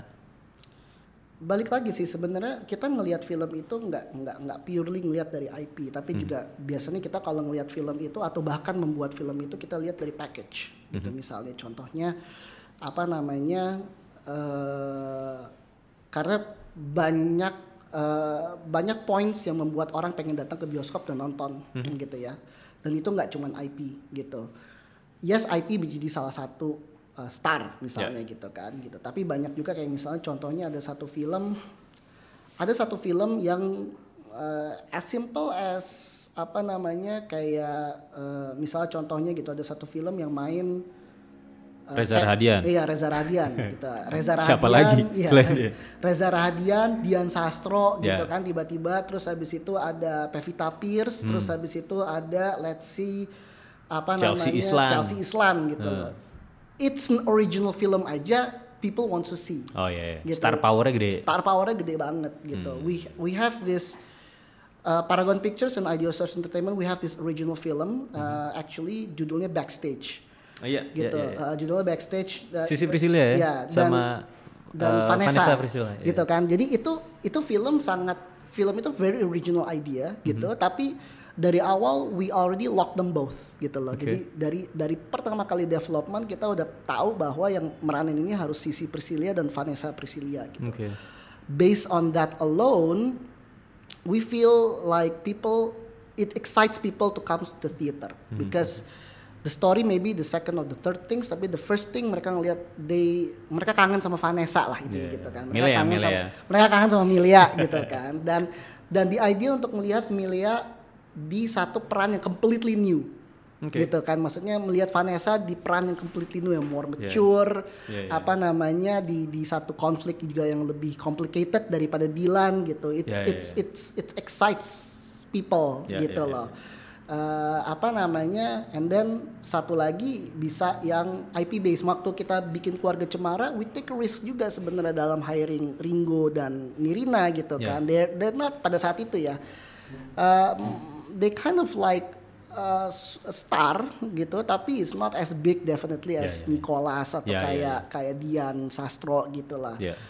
But we feel like the IP can be a good bridge gitu loh. Ah. Maksudnya terlepas dari siapa pun yang main gitu lah tapi namanya keluarga cemara gitu Yeah, people wants to see because not of the stars tapi Yeah. because of the Keluarga Cemara. keluarga cemara gue pengen nonton house keluarga cemara bisa Yeah. function in the modern world gitu Yeah, kan yeah, yeah, kayak yeah. gitu gitu jadi apa namanya itu eh, menarik banget gitu Yeah. jadi it's it's it's it's the package gitu Yeah, loh yeah, yeah, it's is sometimes people comes for the director ya kan kalau Yeah. di Hollywood kan kayak no Nolan. siapa pun gitu yang ma- siapa pun yang bikin tapi kalau yang bikin Fincher gitu misalnya Yeah, yeah, yeah. gue mau nonton Yeah, gitu yeah, loh yeah. atau yang nonton atau yang bikin Tarantino gitu Iya, kan Dan aktor-aktornya juga ngantri Iya, untuk, aktor-aktornya untuk acting di ngantri film juga mereka. gitu. Iya. Tapi tapi balik lagi gitu, terlepas dari lu kayak misalnya Grindhouse gitu kan, Grindhouse-nya Quentin gitu. Nggak banyak starnya, Iya, buat iya. orang nonton Iya, buat iya. no- buat fi- Karena karena Quentin. karena Quentin Iya, gitu iya, loh, iya. kayak gitu gitu. Jadi there's a lot of kita selalu melihat from all that different side of of of angle gitu loh. Mhm. Apa namanya? eh, ini film siapa marketnya gitu kan apakah ini is a more filmmaker oriented market apakah ini a more eh, apa namanya eh, apakah ini more Lebih IP segmented atau lebih gimana? segmented atau apa gitu dan Yeah, segala yeah. macam and also will influence how we invest the film how we uh, seek sponsorship of the film Yeah, yeah, gitu bahkan sekarang bahkan sekarang mode of distributions ada film yang cocok buat emang muncul di bioskop Mhm. mungkin ada film yang cocok buat uh, straight release to OTT Netflix kayak gitu-gitu gitu Oke. jadi sekarang maksudnya sesuatu yang lebih lebih uh, apa namanya macam-macam lah the Yeah, success of a film is not necessarily uh, mount in just one points gitu Yeah, yeah, misalnya yeah. gitu gitu Oke. sih Backstage sendiri udah beres belum? Udah Udah beres. Kan sempat sempat stop kan karena Iya, pandemi karena dan pandemi gitu kemarin. Backstage udah udah udah udah rampung. We actually sekarang in the in the midst of editing. Doain aja sih kita pengennya rilis in February, pengennya. February ya? pengennya ya gitu Oke, ya. oke, Maksudnya oke. it's, val- it's Valentine kan. Iya, gitu. iya, iya. Jadi dan hopefully juga bioskop udah buka. Iya betul gitu. Jadi apa namanya? uh, so uh, hopefully within in the next couple of uh, weeks or month gitu, hopefully kita akan uh, akan rilis trailer. Oke. It should be interesting. Good, good, good. Uh, gitu. Sisi Priscilla sama Vanessa Priscilla ya. Bermain sebagai adik kakak Adik juga kakak. di Kalau film. kalau anak-anak sekarang kenalnya Vanessa Priscilla. Ya. Tapi kalau zaman kita dulu Lu Sisi. Sisi Priscilla ya, Sisi gitu. Jadi ada Priscilla. ada cerita sedikit mengenai Sisi Priscilla. lu ingat nggak Tor? Yang mana sih? Jadi eh, lu kan dari dulu eh, sudah banyak main sama Rudi Sujarwo. Iya iya ya karena kan, gue gue dulu karena gue suka banget sama sama dunianya gue sering sering magang. Heeh, lu Nah, sering datang ikutan Iya. nongkrong-nongkrong di di setup film gitu. Terus eh, lagi demam-demam ada pendengar cinta, gue bilang, ah cerit sisi Priscilla lucu banget nih. yang jadi milih ya Iya. kan. Gue abis itu eh, nanya lu, Tor, cariin nomor handphonenya dong. Dapat gue. Akhirnya setelah, setelah berapa lama akhirnya lu ngasih gue. Lu lupa kali gue gitu. Lupa gue. Lupa lu. Ngasih gue nomor dua, Tor. Ini suruh nomornya, ah cerit. Kan gue bilang, ini lu pokok gue gak tahu, lu tanya aja Rudi Sujarwo ke siapa. Kesan lu akrab banget tapi gimana? Oh, Tor. Akhirnya lu kasih gua. Kasih gua udah nomor nih, Sur. Kalau yang ini nggak bisa, coba yang ini. Wah, anjir, dua nih nomornya Sisi Priscilla.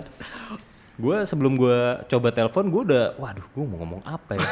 gua bikin dulu tuh list pertanyaan gua kayak gua, gua mau ngobrol sebenarnya- apa Sebenarnya ini, ya? sebenarnya ini invasion of privacy banget sih. Iya gue udah, ah, gue kayaknya ngomong ini nih ya. Gue telepon nomor satu nggak nyambung. Waduh.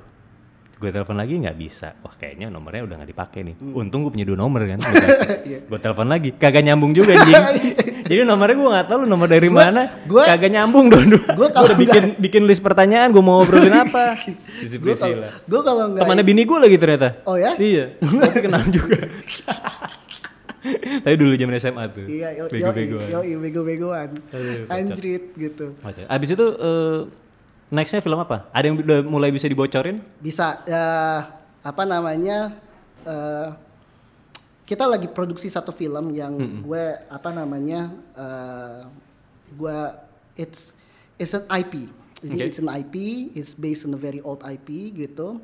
Sebenarnya gue juga dulu ya dulu ya gue tuh nggak nggak nggak nggak nggak aware aware banget sama IP ini. Gue pernah nonton beberapa episode gitu. Gue it's- I think it's kind of imprinted di kepala gue gitu ya gitu. Tapi dari dulu bahkan dari SMA gitu ya gue tuh selalu punya punya punya ketertarikan dengan keluarga Jawa lah karena mungkin karena gue lahir di keluarga Iya. Jawa dan segala Iya. macam jadi gue Dekat dengan keseharian lo. Iya dekat dengan keseharian gue, gue gue mengerti moralnya, gue mengerti uh, filosofinya Yes. dan segala macam gitu. Dulu banget gue pernah pengen banget ada satu skrip yang sampai sekarang juga belum sempat terproduksi itu judulnya Teruntum jadi film tentang batik dan segala macam. Oh, Tapi iya, itu itu belum bener-bener dan menurut gue juga skripnya masih sangat lemah gitu ya. Jadi Iya. masih Itu original tapi kan. original itu masih lama lah gitu gue Iya. rasa itu masih lama gitu tapi begitu gue diskusi sama Pak Andi dan gue dapat materinya gitu gue langsung connect gitu loh jadi gue langsung kayak gue langsung gue langsung bilang sama Pak Andi kayak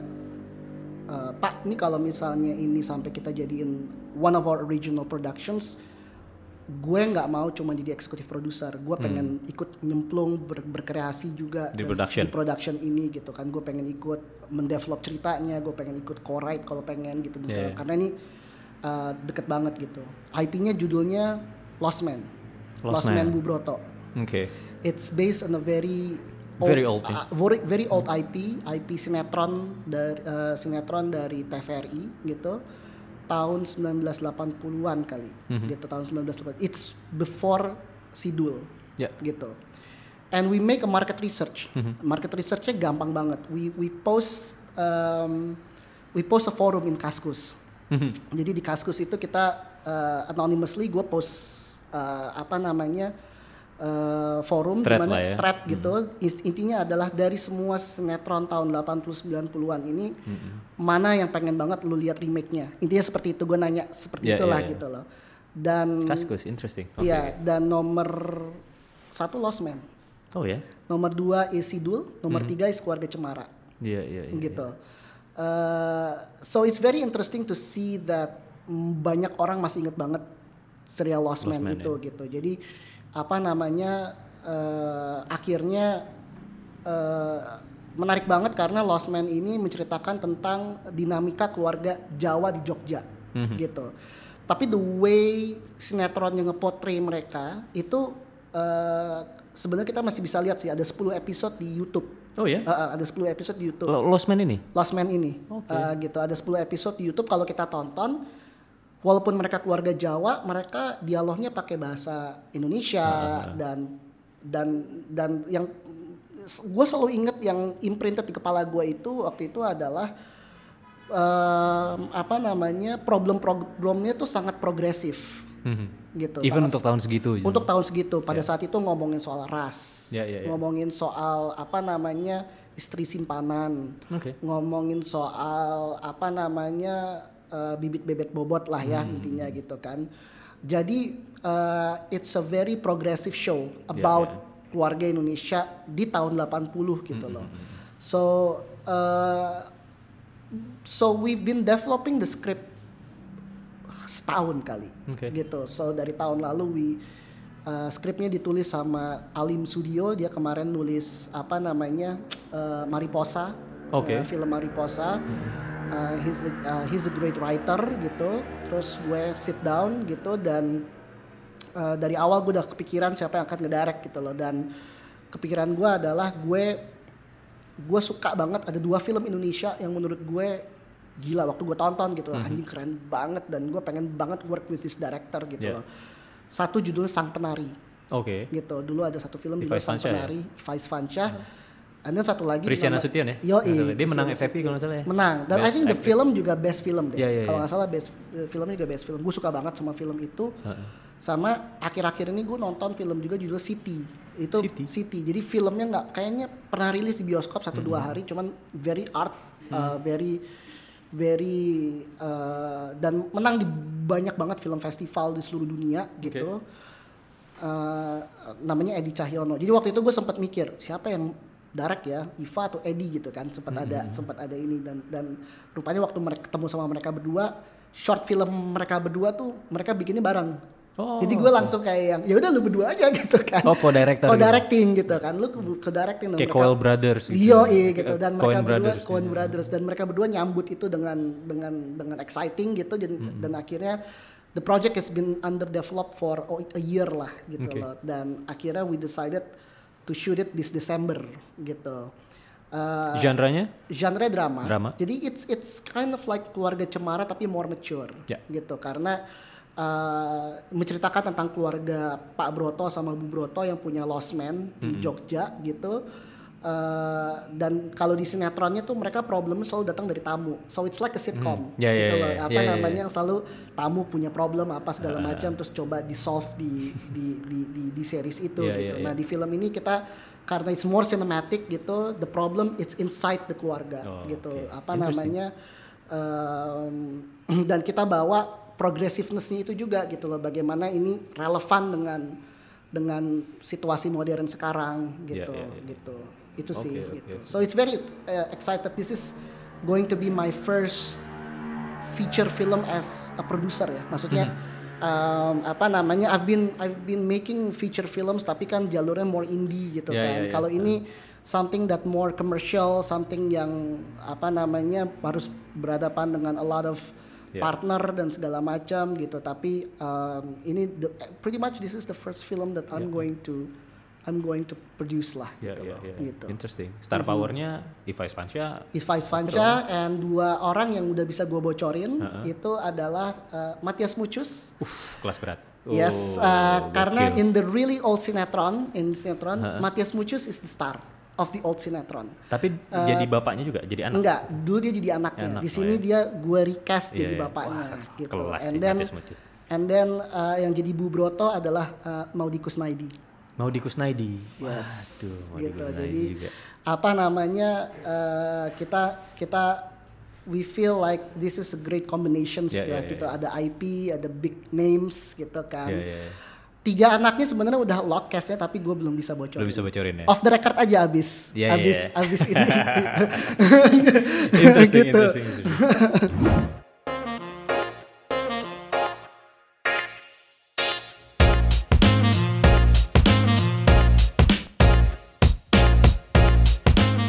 Oke, kemudian ter, gue mau tarik lagi ke Adiosource nih, ya kan? Eh, selain dari eh, invest di film, kita eh, ngeliat ngerasain juga kalau memang di Indonesia itu kan layar bioskop kurang, layar bioskop kurang banget. Waktu itu Pak Triawan Munaf dari Backcraft berencana, oh kita perlu sekian ribu lagi layar di Yes. seluruh tanah air. Dari Adiosource sendiri ada kepikiran nggak untuk buka bukan invest saja sekedar di film, tapi buka bioskopnya gitu, bikin bioskop, bioskop indie mungkin atau gimana? Sampai sekarang ini kalau kita ngomongin soal industri bioskop, it's still still it's still something that we not familiar yet ya Hmm. intinya. Walaupun kita udah tahu lah definitely what's going on Ya, within ya, the ya. industry ya gitu ya. Tapi mm, ya gue nggak bisa menutup kemungkinan mungkin kita akan main ke situ juga. Tapi sampai saat ini belum, Belum ada prioritas lah Ya, gitu. ya. Karena kita ngerasa bahwa uh, it's uh, It's a whole different ball it's a game. whole different ball game. It's a Yeah. property game. It's Yeah, yeah, uh, apa namanya? It's uh, it's uh, it's more like a theme park kind of like apa business models kan Mm-hmm, gitu. Karena lo uh, apa namanya? It's more B2C gitu kan. Yeah, yeah, apa namanya? Sebenarnya juga film B2C juga sih, tapi maksudnya adalah ini we're talking about a more apa namanya? uh, layered business models yeah. gitu kan. Uh-huh. Karena kan kalau bioskop kan nggak cuman lo bikin bioskop itu lo ada F&B-nya juga Yeah, di yeah. situ, ada apa namanya? ada uh, mini theme parknya kan kayak biasanya ada arcade atau apa Yeah, yeah. segala Uh-huh. macam, ada hospitality juga di situ gitu. Jadi it's a, it's a it's a difficult business model to tackle menurut gue Oke. gitu loh. Ya, ya, ya. Uh, tapi memang tidak bisa dipungkiri bahwa retail film kita harus banyak memang gitu and that's the only way we can we can uh, apa upscale our investment in film gitu loh semakin banyak retailnya ya semakin pede untuk Iya. kita invest Dan invest especially di untuk film gitu untuk loh. untuk film-film Indonesia yang kadang kayak seminggu udah nggak ada tor.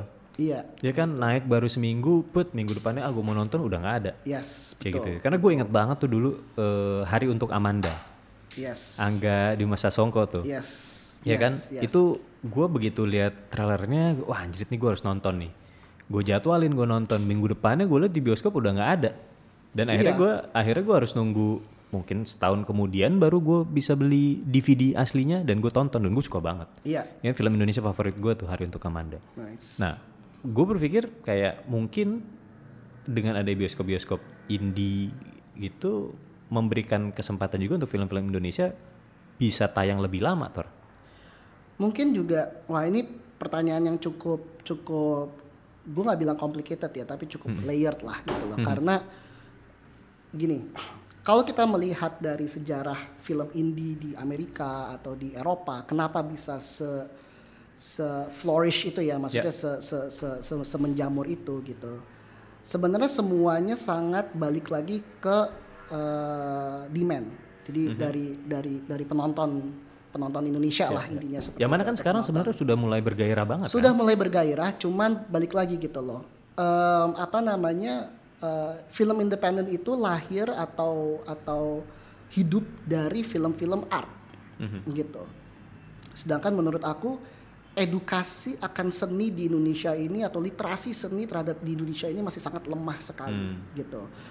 Of course ya mungkin bahkan di kota-kota besar aja seperti Jakarta atau Jogja atau Medan gitu bisa dibilang berapa persen sih yang yang yang orang tuh mampu bisa mengapresiasi seni ya gitu lah Ya. nggak usah kita ngomongin soal film atau bioskop indie atau bioskop art gitu museum aja sepi sob gitu kan galeri aja tuh sepi gitu Ya, loh. ya. 'Cause to be honest kita dari kecil nggak pernah diajarkan bagaimana cara kita mengapresiasi Ya, ya. seni gitu loh dan itu apa Kurang banget namanya ya? iya kurang banget gitu lu ya nggak bisa dipungkiri lah kayak misalnya lu dulu jam kelas 3 SD kelas 2 SD gitu lu diajak Field ke- trip. field trip ke museum Ya. apakah lu kemudian diajarkan bagaimana cara mengapresiasi apa pun yang ada di depan mata lo enggak juga kan Ya, kita ya. malah justru harus membuat tesis regarding Ya, ya, ya. certain jadi kita tidak kita gini ini ini observation gue gitu yang sangat banyak orang bilang kritikal gitu. Tapi Hmm. menurut gue kita diajar untuk berkritik dulu tapi tidak appreciate.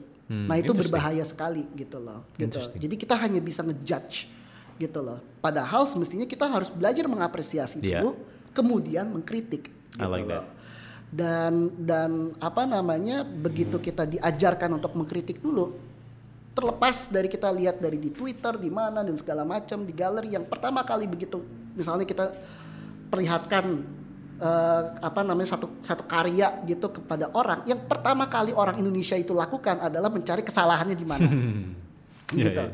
tapi kita tidak pernah bisa melihat apresiasi gitu loh. Nah itu yang membuat gue eh, domino efeknya masuk ke dalam eh, bioskop indie gitu. Karena bioskop indie itu menurut gue hidup dari film-film yang mungkin dari film-film yang sifatnya kayak Criterion Collection gitu Ya, kan ya, apa namanya yang film-film yang berhubungan dengan eksperimental yang Ya, ya. avant-garde dan segala Ya, macam mass appeal-nya rendah mass gitu. appeal-nya rendah gitu loh dan dan akhirnya uh, it became a double edged sword kalau Ya, ya, ya. misalnya kita uh, sebagai commercial producer mau masukin film juga ke situ uh, nggak banyak gitu loh dan nggak bakal bisa survive juga might as well gue uh, deal with 21 sama CGV tapi film gue kemudian within first day bisa tampil di 5000 layar gitu loh Ya, kayak ya, ya. gitu gitu jadi balik lagi sih gitu uh, apa namanya uh, berbeda dengan Korea atau Jepang yang memang apresiasi seninya tuh sangat sangat tinggi Nah itu, gitu gue mau bahas itu ya kan. Jadi gini, kalau kalau kita lihat di luar dari Hollywood,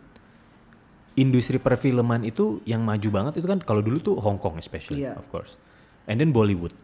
Oke, eh, in terms of marketnya juga mereka gede banget kan. Tapi kenapa selanjutnya bukan Indonesia, tapi malah kayak Korea duluan, even Thailand, Hmm, ya kan?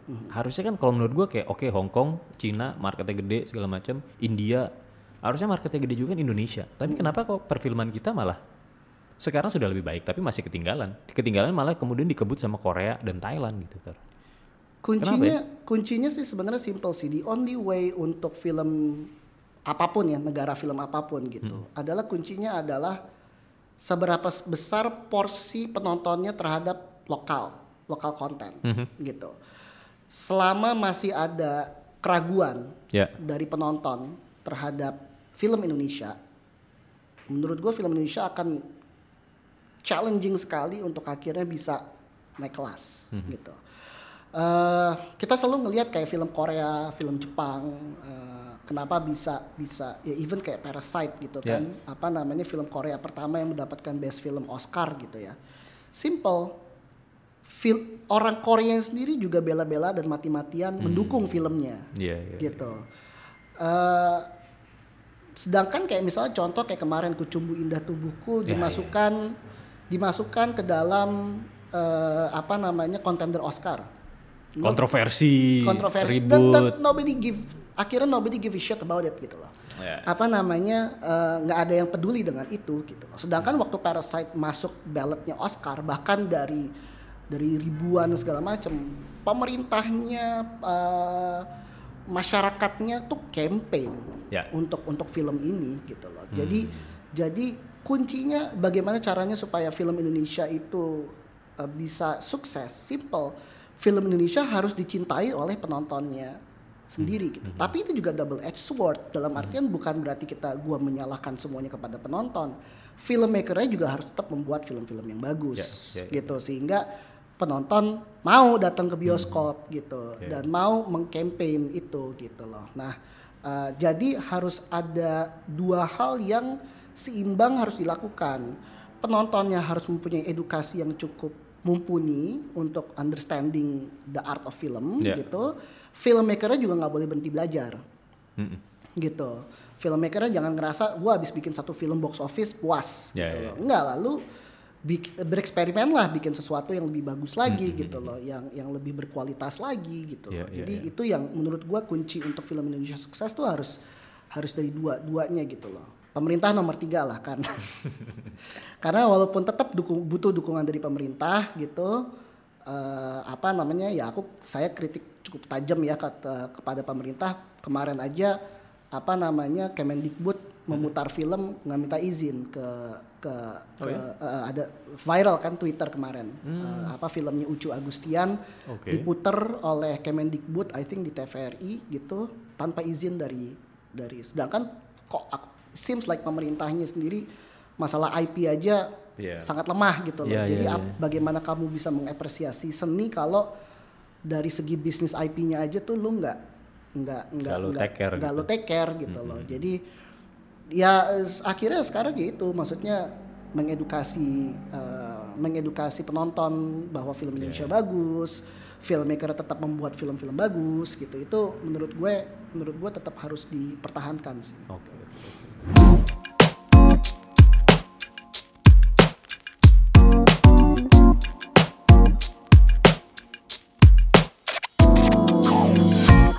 gue mau nanya soal festival film Tor.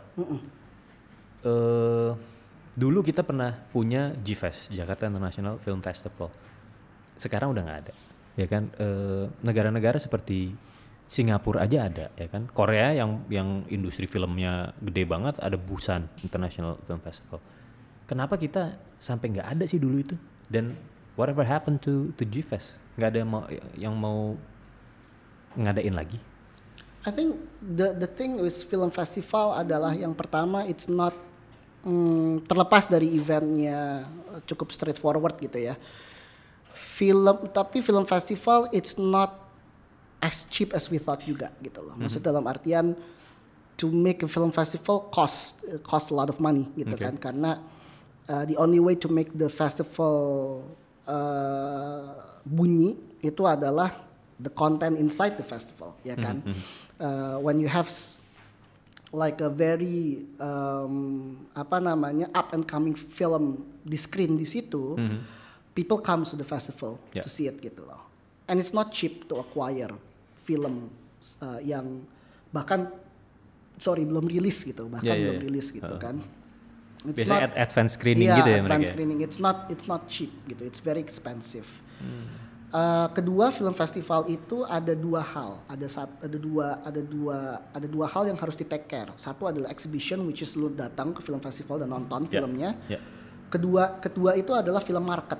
Jadi di Ya. dalam Jualan tuh. ya kayak ada expo lah Ya. gitu loh yang mempertemukan distributor, investor, filmmaker, ketemu semuanya di situ Mm-hmm. gitu. Jadi apa namanya eh, dua hal ini sebenarnya walaupun dalam satu umbrella which is film festival, du, itu sebenarnya dua event yang berbeda Hmm. gitu. Nah eh, film festival ini eh, karena pada dasarnya itu adalah em, apa namanya em, apresiasi seni gitu, eh, mestinya harusnya mendapatkan satu sponsor kedua itu dana dari pemerintah Ya.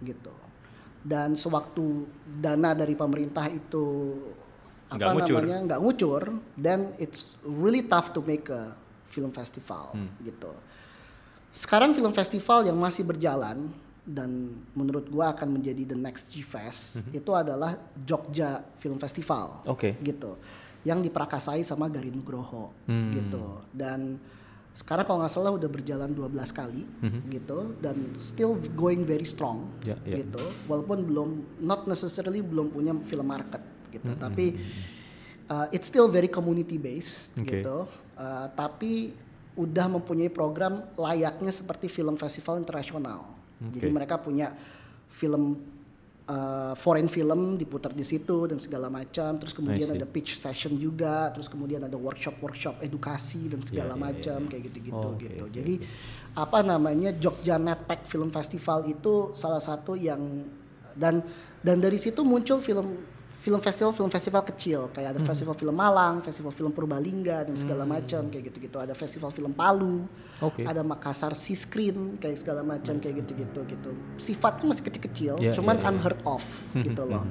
karena memang mungkin belum ada eh, belum ada ketertarikan dari super brand untuk mensponsorin mungkin. Ya, ya, ya, ya.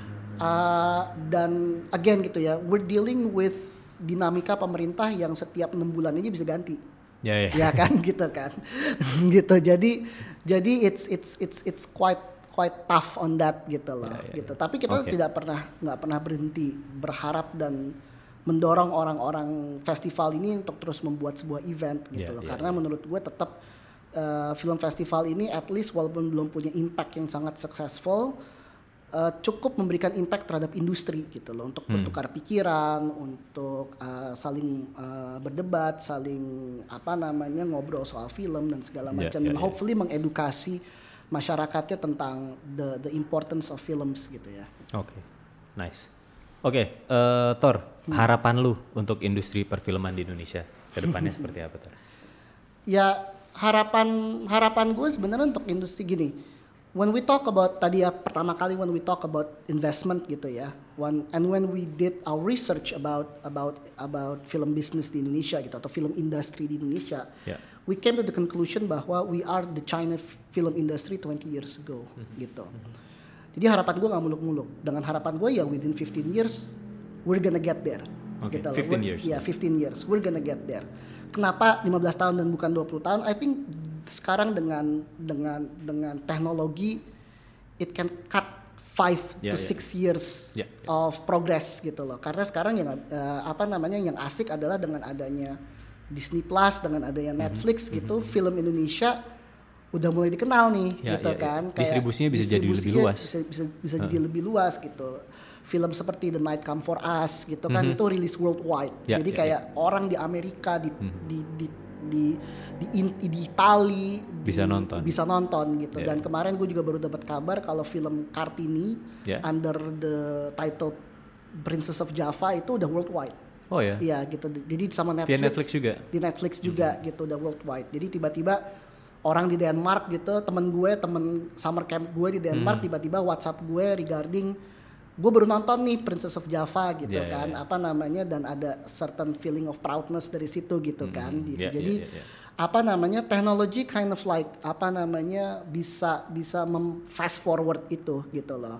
Ya. dan of course dengan perkembangan bioskop dengan makin banyaknya layar makin banyaknya retail gitu. Dan dan sekarang gue cukup salut dengan dengan dengan dengan industri bioskop karena makin ke sini eh, udah udah semakin tidak ber- bermonopoli gitu. Kita sekarang ngelihat ada 21 ada CGV. Ya, ada Cinemax. Cinepolis gitu Eh. kan namanya Cinepolis, Cinepolis sekarang. Ya, Hmm, ya, ya. namanya Ada- Cinepolis ada Flix.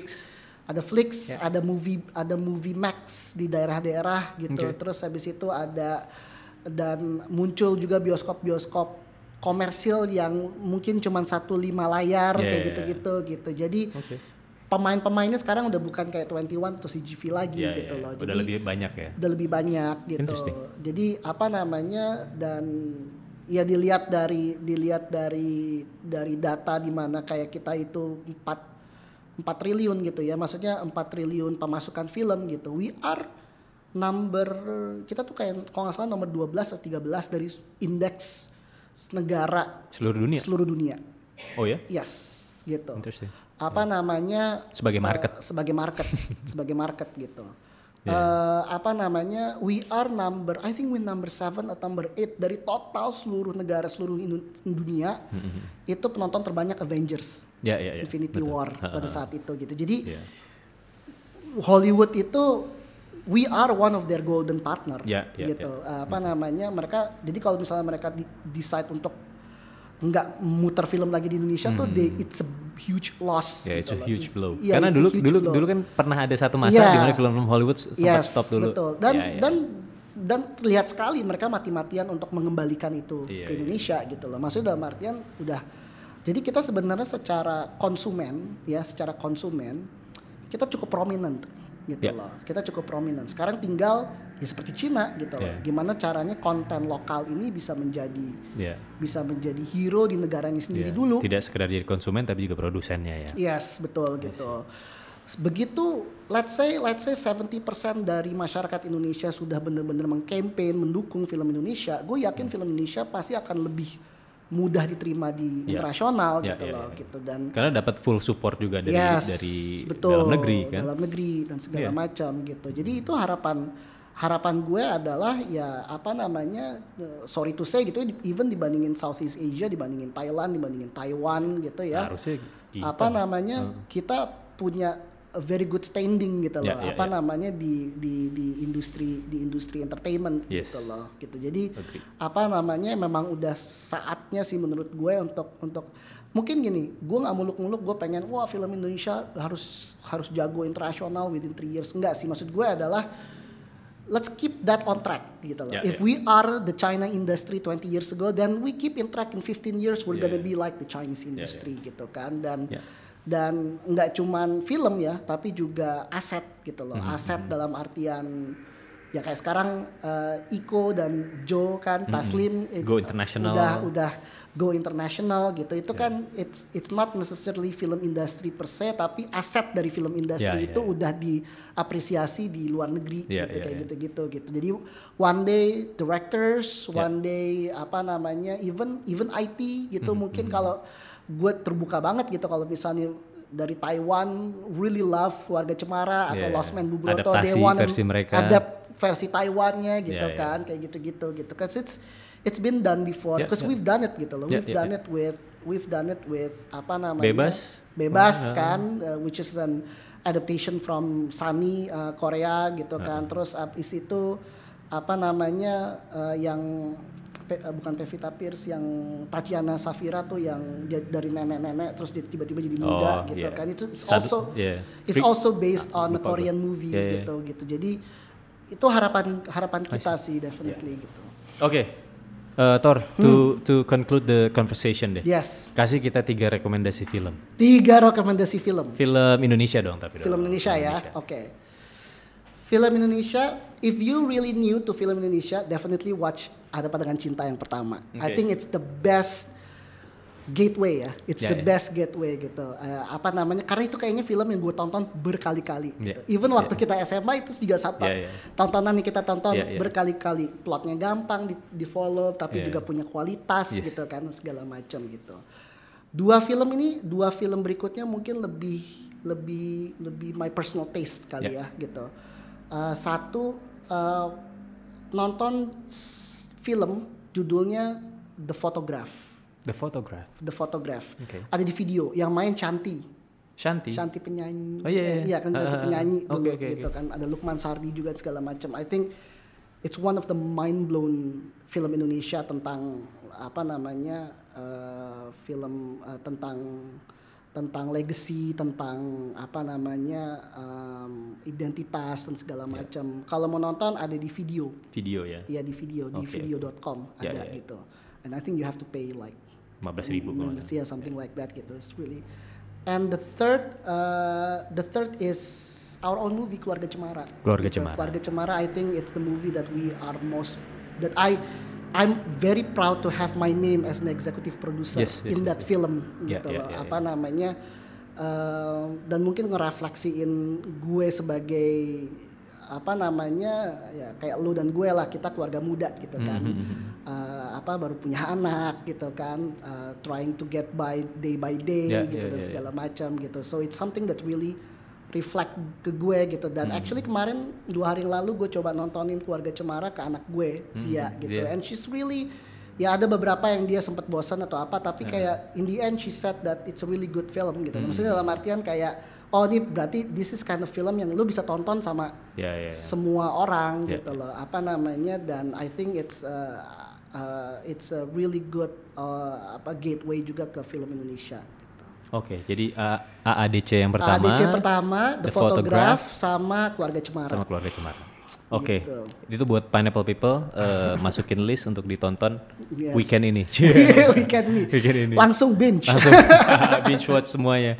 Tor, uh, thank you banget lu udah datang. No Ba- problem. By the way, uh, kalau misalkan ada yang punya cerita menarik, dia mau berharap mungkin oh one day filmnya bisa dibikin jadi film, itu ke Hmm. Ideo Source itu bisa pitch uh, film, cerita atau naskah atau gimana mungkin Tor? Well, I think the most important things adalah kayak when you when you want to have your work uh, take a look at ah Yeah, yeah. basically dilihat lah Yeah. sama ini adalah um, you have to do a little bit of research gitu Mm-hmm. kayak misalnya contohnya if you go to Ideo Search Entertainment you have to see what kind of movie we produce Yeah, gitu yeah. kan Portfolionya apa-apa aja. portfolio kayak kalau lu perhatiin di portfolio gue belum ada horror gitu cause I don't know I Hmm. So gue don't pitch horror gue- movies ke gue nggak Search. tahu gue gue belum we we have a horror in our pipeline Mm-hmm. Uh, tapi kayak it is something yang gue sebenarnya nggak familiar Ya, gitu ya, sama ya. horror gitu tapi maksud gue adalah you have to research the production house that you uh, targetin Ya. buat buat ini. Tapi yang paling penting adalah uh, before even before that gitu yang paling sering gue alam yang paling sering gue yang paling sering gue saranin adalah um, ya if you want to recognize by film people ya you, you hang out with film people gitu. Mm-hmm. dalam artian kayak uh, where do you find these film people? Banyak. You can go to Kino Forum Yeah. gitu kan. You can go you can go to Kinosaurus kan ada yang namanya Yeah, yeah. Kinosaurus. You can go to Di Kinosaurus Kemang, kan di Kemang kan gitu kan Uh, even sekarang kayak di Instagram gitu there's a lot of like apa namanya kayak Zoom seminar kayak Mm-hmm, gitu-gitu kan. Li- lu ikut gitu dan segala macam gitu. Dan emang di era pandemi ini lebih lebih susah networking sih. Cuman maksud gue adalah dulu tuh gue uh, dulu tuh gue I, gue tuh ngerasa bahwa karena keluarga gue tidak ada satupun yang di film gitu kan jadi gue bener-bener ngerintis banget dari awal. Dan the only way that I can get recognized itu adalah ya gue main ke Miles. Ya, ya, gue main gue main ke Miles pun juga as simple as gue nggak expect apa-apa gitu. Gue pengen ngobrol gue pengen ini dan segala macam. Gue datang ke film festival Ya, gitu ya. kan. Gue datang ke event film ada pemutaran di Gota House gitu misalnya ya. gue datang gitu kan gue datang ke pemutaran misalnya di Kinosaurus gue datang gue ketemu sama filmmaker ada tanya jawab sesi tanya jawab Ya. gue gue ini di situ start semuanya dari situ gitu. Ya. sampai sampai lu bener-bener mungkin tar filmmaker ada yang oh lu lagi lu lagi gitu kan. Ya, ya, dan ya. dan dari situ baru lu biasanya punya celah tuh untuk kayak apa namanya kayak eh actually write something atau actually make something gitu. What do you Ya, ya, think? ya. gitu. Dan dulu juga gitu kayak euforia kayak kayak kayak omnibus lima purnama gitu. Kayak gue tetap keep in touch sama Mbak Mira, Mas Riri gitu, and then gue gue kirim gitu ya, akhirnya ya. gitu kayak "Ma- Mas Riri we've been talking a lot dan segala macam, how about take your time watch this movie gitu dan segala Hmm, macam ya, ya. gitu kan dan Dapat dapat feedback juga. dapat feedback gitu kan, dapat kritik pedas dan segala macam ya, itu mas itu mah sangat sangat sangat biasa gitu Ya, lah ya, ya. kayak gitu gitu. Jadi apa namanya instead of oh kirim kirim kirim aja it's it's it's actually is have to be a little bit more intimate than Yes. that gitu Ya, loh. Jadi ya. kayak lu lu pengen ketemu sama mereka dan segala macam gitu. Gue pun juga ngerasa gitu waktu gue diajak untuk bikin oh, diajak gabung sama Ideo Source gitu. Sewaktu gue udah menjabat sebagai eksekutif produser dan gue kembali ke industri film, everybody knows me Ya, gitu ya, loh. ya. So there's a there's a, there's already a trust gitu Ya, loh. ya, ya. Kayak misalnya gue ngerasa kayak gue nggak mungkin bisa bisa duduk bareng dan kerja bareng Mbak Mira sebagai eksekutif produser kalau gue sebelumnya nggak kenal sama Ya, Mbak ya, Mira ya. gitu Sebelumnya loh. lu nggak pernah membangun relationship Iya dengan dia. gitu loh gitu dan Oke. akhirnya Mbak Mira ngerasa oke deh lu boleh masuk invest di Ya, di di keluar ke pantai atau di bebas gitu Ya. kan karena udah ada that relationship Iya. gitu loh. Karena sebenarnya ini masih industri masih pemainnya belum terlalu banyak kali it's ya. expanding, Iya, it's it's- expanding uh, dan it's expanding very rapidly Mhm. gitu. Tapi Uh, core playersnya tapi core sejauh ini playersnya masih- sejauh ini sih ya ya there's new generations Yeah. there's new generations gitu tapi it's still very apa namanya it's still gue bilangnya nggak kecil ya tapi it's still a very intimate uh, industry Ya, ya, ya. gitu Betul, betul. and usually sama lah kayak di industri mana pun gitu kan Yeah, when yeah, you yeah. want to make something you usually get referred Yeah. by other people Yeah, gitu yeah. kan jadi itu yang gue ngerasa paling paling paling uh, worth lah if you want to pursue as a filmmaker as a screenwriter as a director gitu Ya. eh, apa namanya you start PDKT gitu intinya Harus, gitu harus, kan harus PDKT gitu Iya, di iya, awal gitu kok dan Oke. apa namanya you can squeeze nanti right in kalau misalnya the opportunity knocked gitu. Ya, ya, ya. ya. Interesting. Thor, Yes. thank you banget. Kita Thank you banget, Ini udah thank ngobrol ngobrol berapa jam? Satu setengah jam know mungkin gue man, nggak tahu deh. gue semestinya ada meeting jam 3 but Damn it man, you should have told it's me. okay, it's okay, so sorry, it's so okay. sorry. Karena enak banget, seru banget Seru, kita seru, meeting seru. gitu, eh, Iya. kita kita ngobrol gitu Iya. kan. Gue tadi udah WhatsApp, eh gue telat setengah jam ya, gue bilang gitu. It's okay. Sorry, sorry, sorry, It's okay, it's okay. Tapi, Tapi- gue, I'm really happy to, Yeah, to, to yeah. be in here man. Dan dan gitu. eh, hopefully juga Pineapple People yang nonton atau ngedengerin di Spotify juga bisa punya pemahaman lebih dalam mengenai industri perfilman tanah Yes, air di Indonesia. Ekosistemnya yes, saat ini yes, seperti yes, apa. So uh, I dan hope- dan jangan lupa eh, cintai barang produk dalam negeri. Iya, harus dong, harus, harus. harus, harus. Oke, gua rasa itu punchline yang bagus untuk menutup. Eh, thank you so much uh, for tuning in, Pineapple People. See you on the next one. Ciao.